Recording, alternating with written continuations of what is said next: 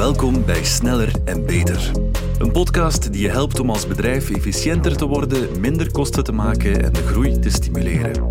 Elke aflevering verkennen we een ander aspect van procesoptimalisatie op het gebied van operations management, supply chain management, change management en zoveel meer. Kom met experts te weten wat procesoptimalisatie voor jouw organisatie kan betekenen.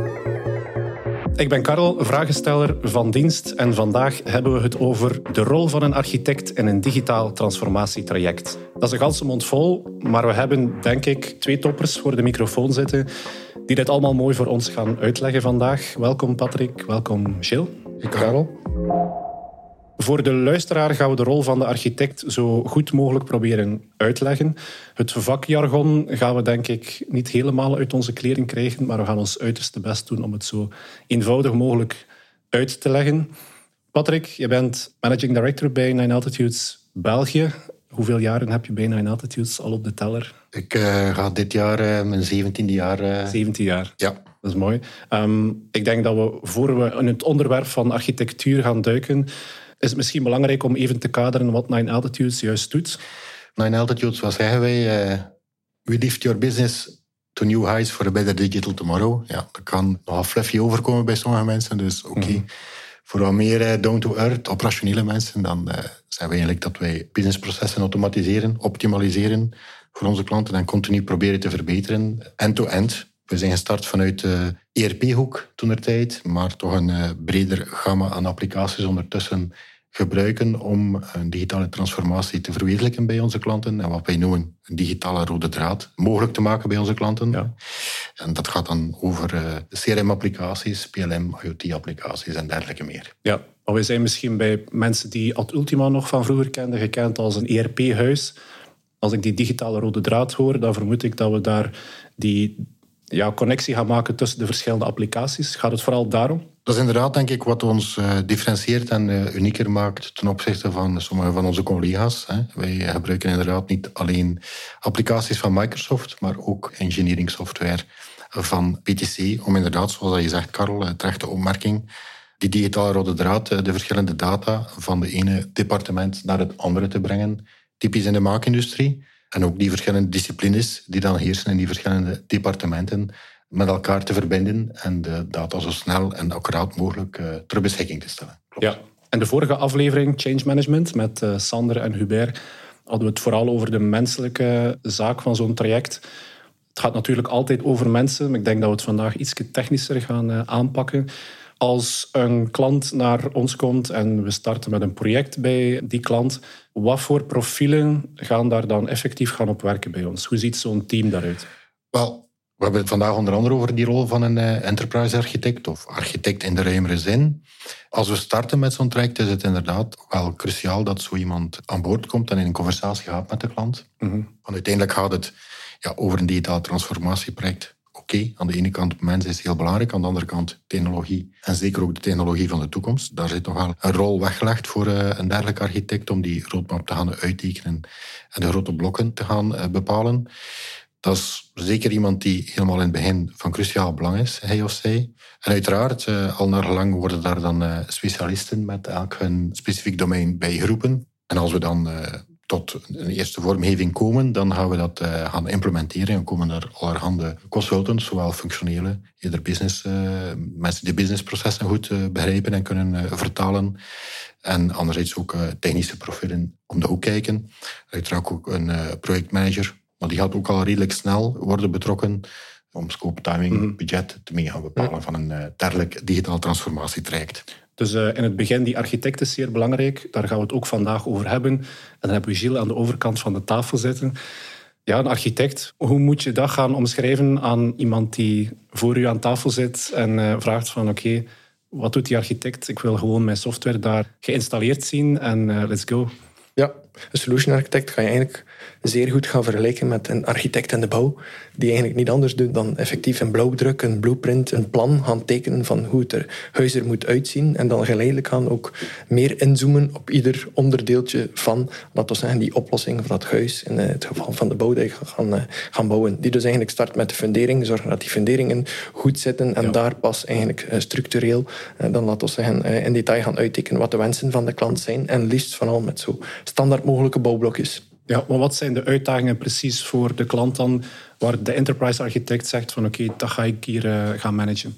De uitdaging voor de klant op zich is om te kunnen afstand nemen van hoe het vandaag werkt Mm Ik denk dat dat de grootste uitdaging is voor een klant, om te kunnen uitzoomen en te zeggen wat zou ik willen en dan in dialoog gaan, in open dialoog, om te komen tot een uh, zo standaard mogelijke implementatie. Want dat blijft toch bij de meeste van onze klanten het doel om zo standaard mogelijk te blijven, gelukkig. Uh, maar je hebt dan natuurlijk, laten we zeggen, en dan, dan komt de change management terug. Je hebt een doel aan de ene kant en dan mm -hmm. hoe uh, hard hou je daar aan vast en hoe hard wijk je daar dan toch vanaf om toch terug te gaan customiseren. Dus ik denk dat dat een van de grootste uitdagingen is bij de klant. Ja, zo dicht mogelijk bij die standaard blijven. De andere optie is customization, vermoed ik. Ja, Zelf software gaan on top van de Microsoft software bijvoorbeeld gaan schrijven. Hoe dichter bij de standaard, hoe meer future-proof. Die standaard is ook gebouwd met als basis eh, mm -hmm. honderden, duizenden klantenprocessen eh, over verschillende, laten we zeggen, eh, businesses. Dus eh, het is niet dat dat over één nacht ijs gegaan is, die standaard, laten we zeggen. Ja. Eh, dus om daar heel ver van af te wijken, dat proberen we meestal af te raden. Maar uiteraard eh, hebben we altijd mm -hmm. de klantenspecifieke of industriespecifieke zaken die soms nodig zijn. Ja, want ik kan mij inbeelden, Patrick, dat in de beginjaren dat die standaard dat niet de standaard filosofie was. Ja, Oké, okay. uh, ik denk ook als ik uh, naar mezelf kijk, uh, bijna 17 jaar hier aan het werk. inderdaad, 17 jaar geleden was het platform en de platformen die we nu gebruiken niet zo breed. Ook de functionaliteiten die werden ondersteund. niet vergeten, het ERP-pakket dat we momenteel implementeren was onderzijds zelfs nog niet gekocht door Microsoft. -huh. Dus gaandeweg, doorheen de jaren, is er alleen maar functionaliteit aan bijgekomen. Dat betekent inderdaad dat je heel wat meer met een standaard pakket kan doen. Is ook uh, een van de uitdagingen natuurlijk voor een architect op zijn rol, om eigenlijk continu mee te blijven met die evoluties van de technologie. Want eigenlijk bepaalt zo'n architect in mijn beleving ook de roadmap van de toekomst. Hoe ga je dat digitale transformatie trekt in zo'n bochten leiden dat de klant niet alleen vandaag zijn behoeftes ziet gedigitaliseerd worden, maar ook klaar is voor de toekomst en verdere evoluties. Want ja, het is meestal ook geen um, one-shot evolutie. Hè. Je gaat stap voor stap. En dat is ook uh, het belang um, dat die architect goed de behoeftes van de klant begrijpt vandaag, de situatie zoals het nu is. En eigenlijk gaat meedenken van oké, hoe kunnen we naar die ideale situatie van de toekomst gaan. En zoals Gilles jezelf ook eigenlijk terecht opmerking maakt, ja, de platformen zijn rijker geworden. betekent dat we minder customisatie nodig hebben. Houdt tegelijkertijd ook een uitdaging in, want dat betekent dat je heel wat meer kunt configureren. Dus het configuratieluik wordt uh, daardoor complexer. Maar goed, daar hebben we als Nine Altitudes ook een aantal zaken voor voorzien. Waarbij dat we een aantal ja, best practices voor geconfigureerd ten berde brengen. Om dat proces toch wat te helpen. Uh, zeker ook met onze focus op uh, typische industrieën. En dat maakt natuurlijk dat we die nood om uh, te customiseren verlagen. Wat ook helpt eigenlijk. Hè. Als ik zeg van we moeten ook meehelpen denken dat we onze klanten blijven begeleiden. Dat ze klaar zijn voor de toekomst ook ja, hoe meer customisatie, hoe moeilijker het uh, onderhouden en uh, hoe hoger het risico. Dus, ja. Uh, ja. en ik denk, Patrick, je hebt ook de evolutie enorm meegemaakt van we steken alles in ons ERP mm -hmm. naar we gebruiken alle applicaties voor wat ze gebouwd zijn. En dat is een van de, denk ik, belangrijkste taken ook voor een architect, om ervoor te zorgen dat de applicaties gebruikt worden waarvoor ze dienen.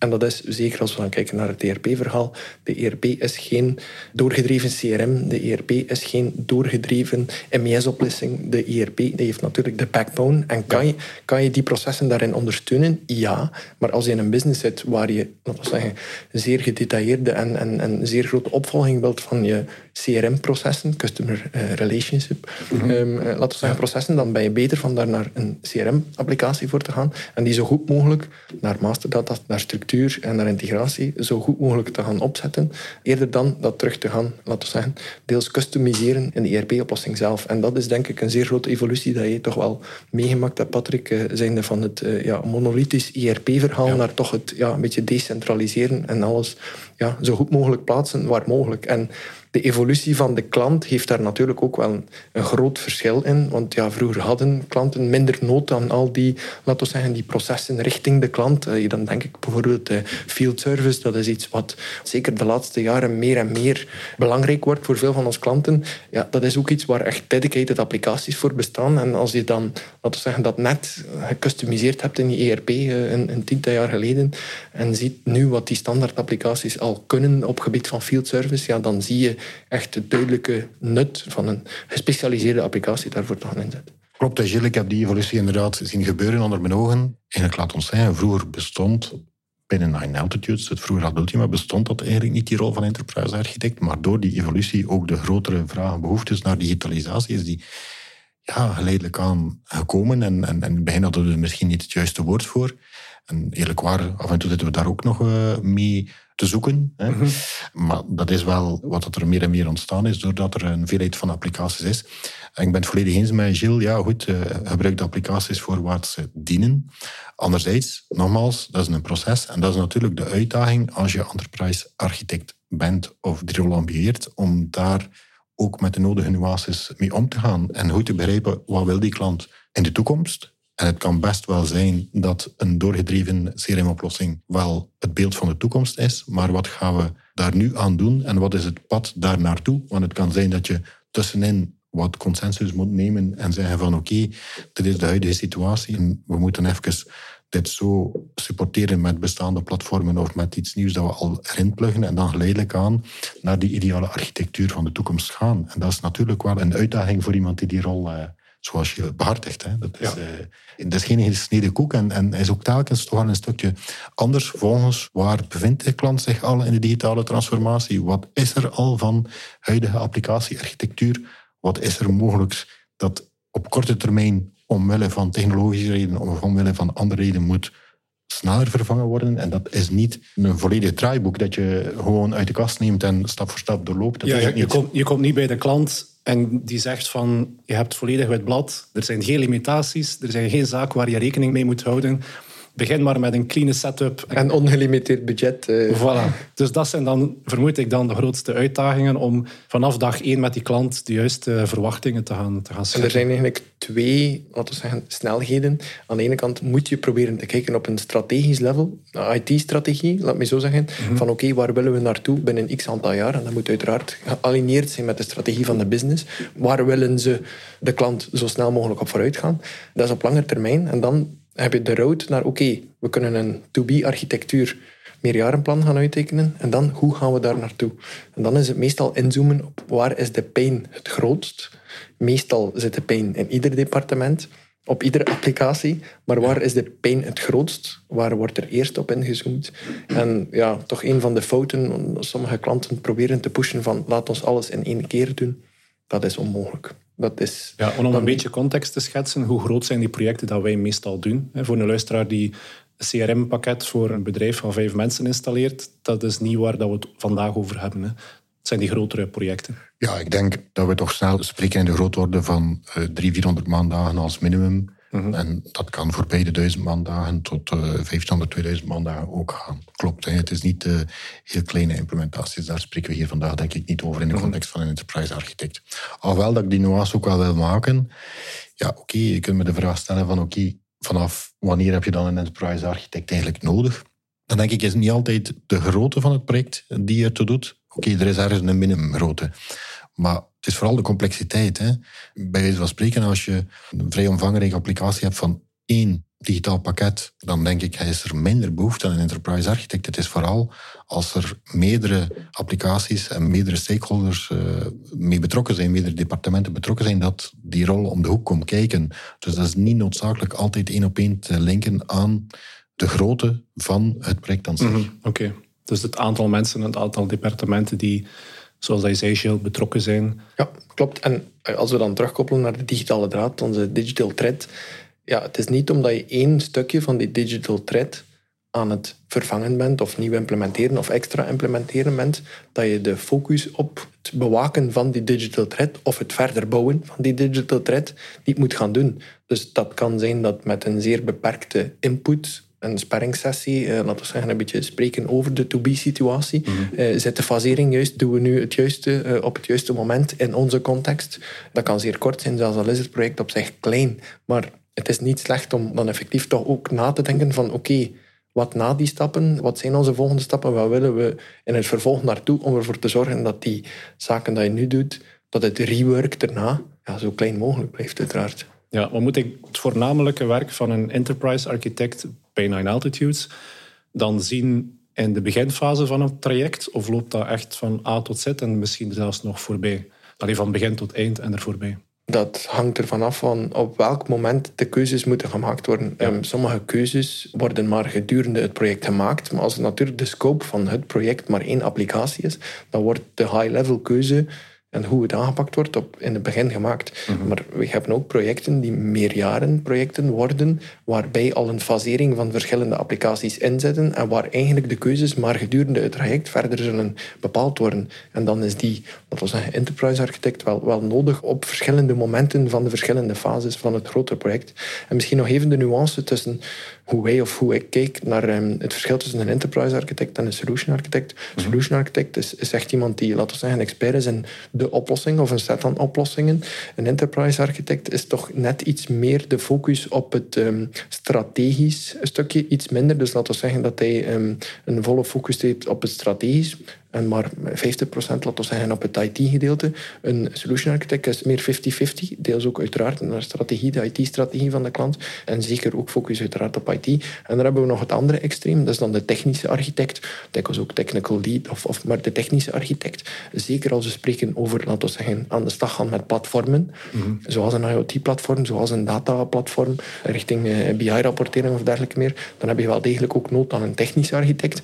Maar die zijn focus is ja, laten we zeggen, zo goed als niets op het echt IT-strategie gedeelte, maar vooral op het IT-solution stuk zelf. Dus dat is een beetje de notie tussen waar wij en eigenlijk een enterprise-architect pur heeft eigenlijk nog, nog zelfs focus ook een, een stukje naar businessstrategie. Je moet eigenlijk een beetje losdenken van applicaties. Oké, wij als partner dat, die rol kunnen wij niet vervullen, uiteraard. Wij, wij starten vanuit een PTC en een Microsoft-invalshoek. Mhm.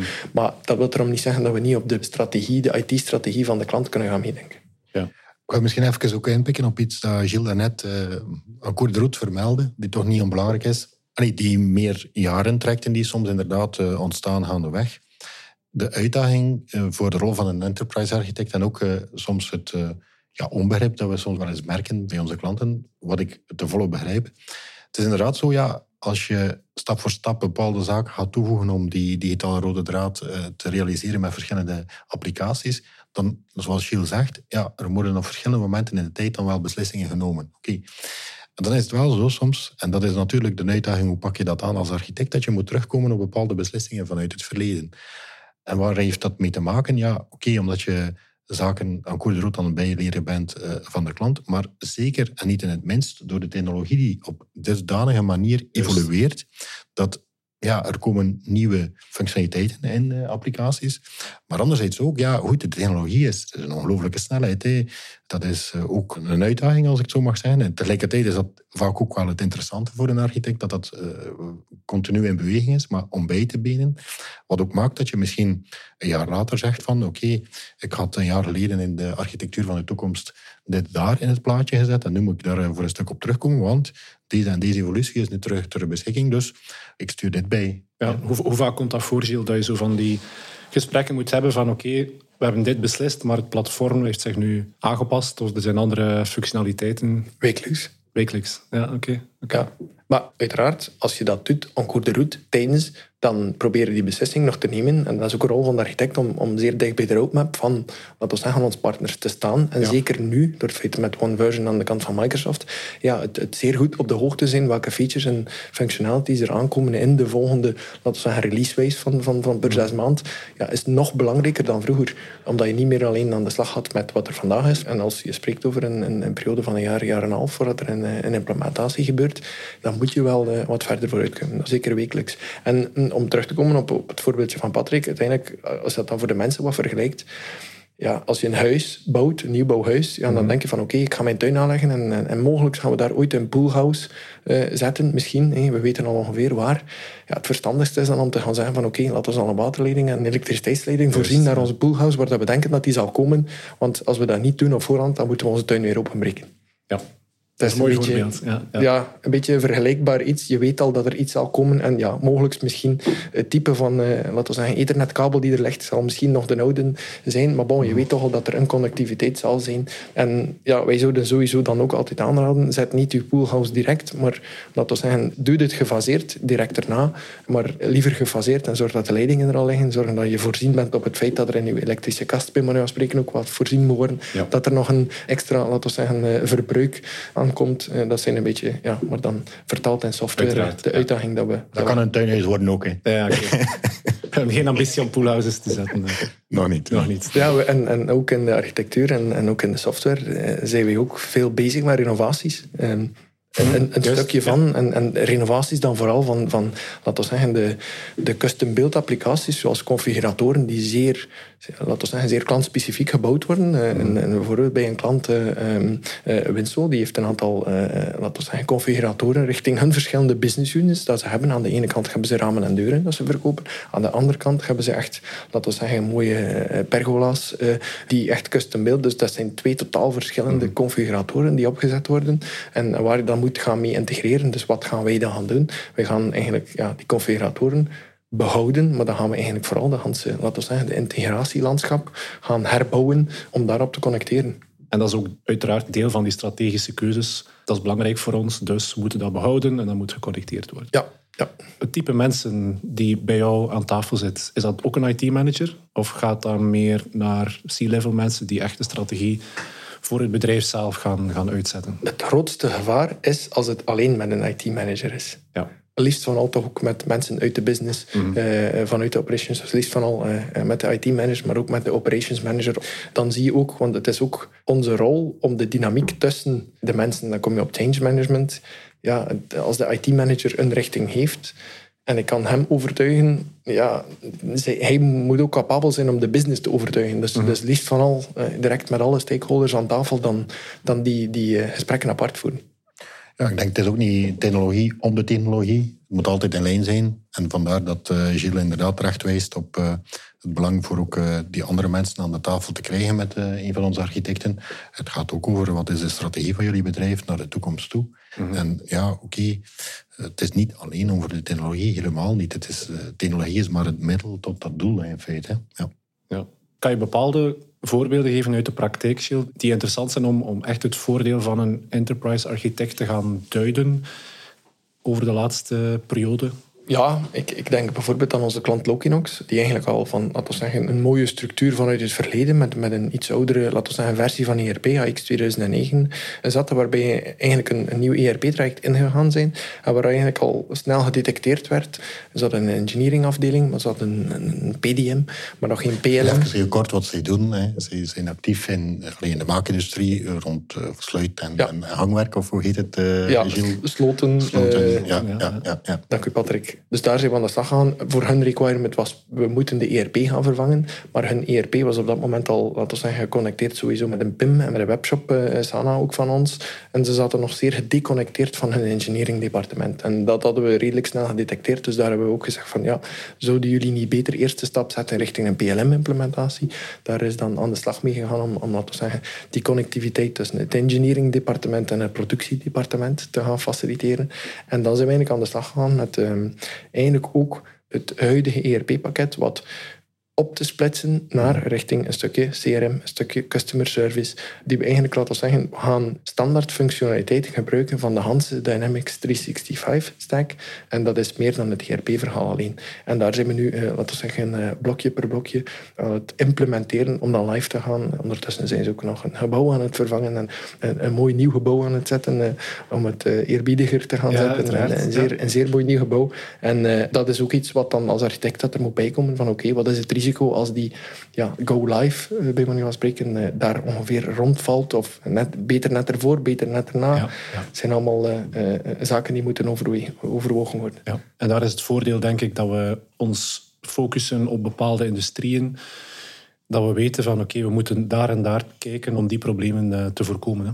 Klopt. Je heeft een aantal uh, drie letterwoorden gebruikt. Hè, voor de luisteraar die daar niet zo vertrouwd mee heeft. En PIM is inderdaad iets dat wij regelmatig tegenkomen in de, in de maakindustrie. Zeker voor bedrijven die met e-commerce bezig zijn. Dus een Product Information Management systeem. Waarbij dat we productdata afrekenen met commerciële zaken, uh, voor allerlei talen ter beschikking stellen, verrijken van foto's en dergelijke meer. Anderzijds een PLM-systeem is dan waar de engineeringdepartementen mee aan de slag gaan voor de product lifecycle management van het product.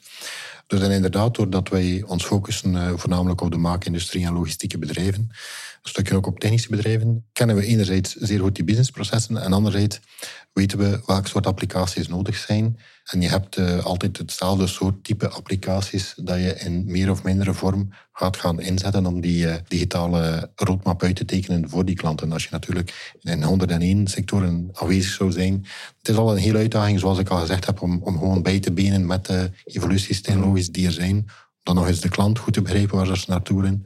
Dus oké, het is dan wel een voordeel als je je beperkt tot een aantal uh, focusindustrieën. Oké.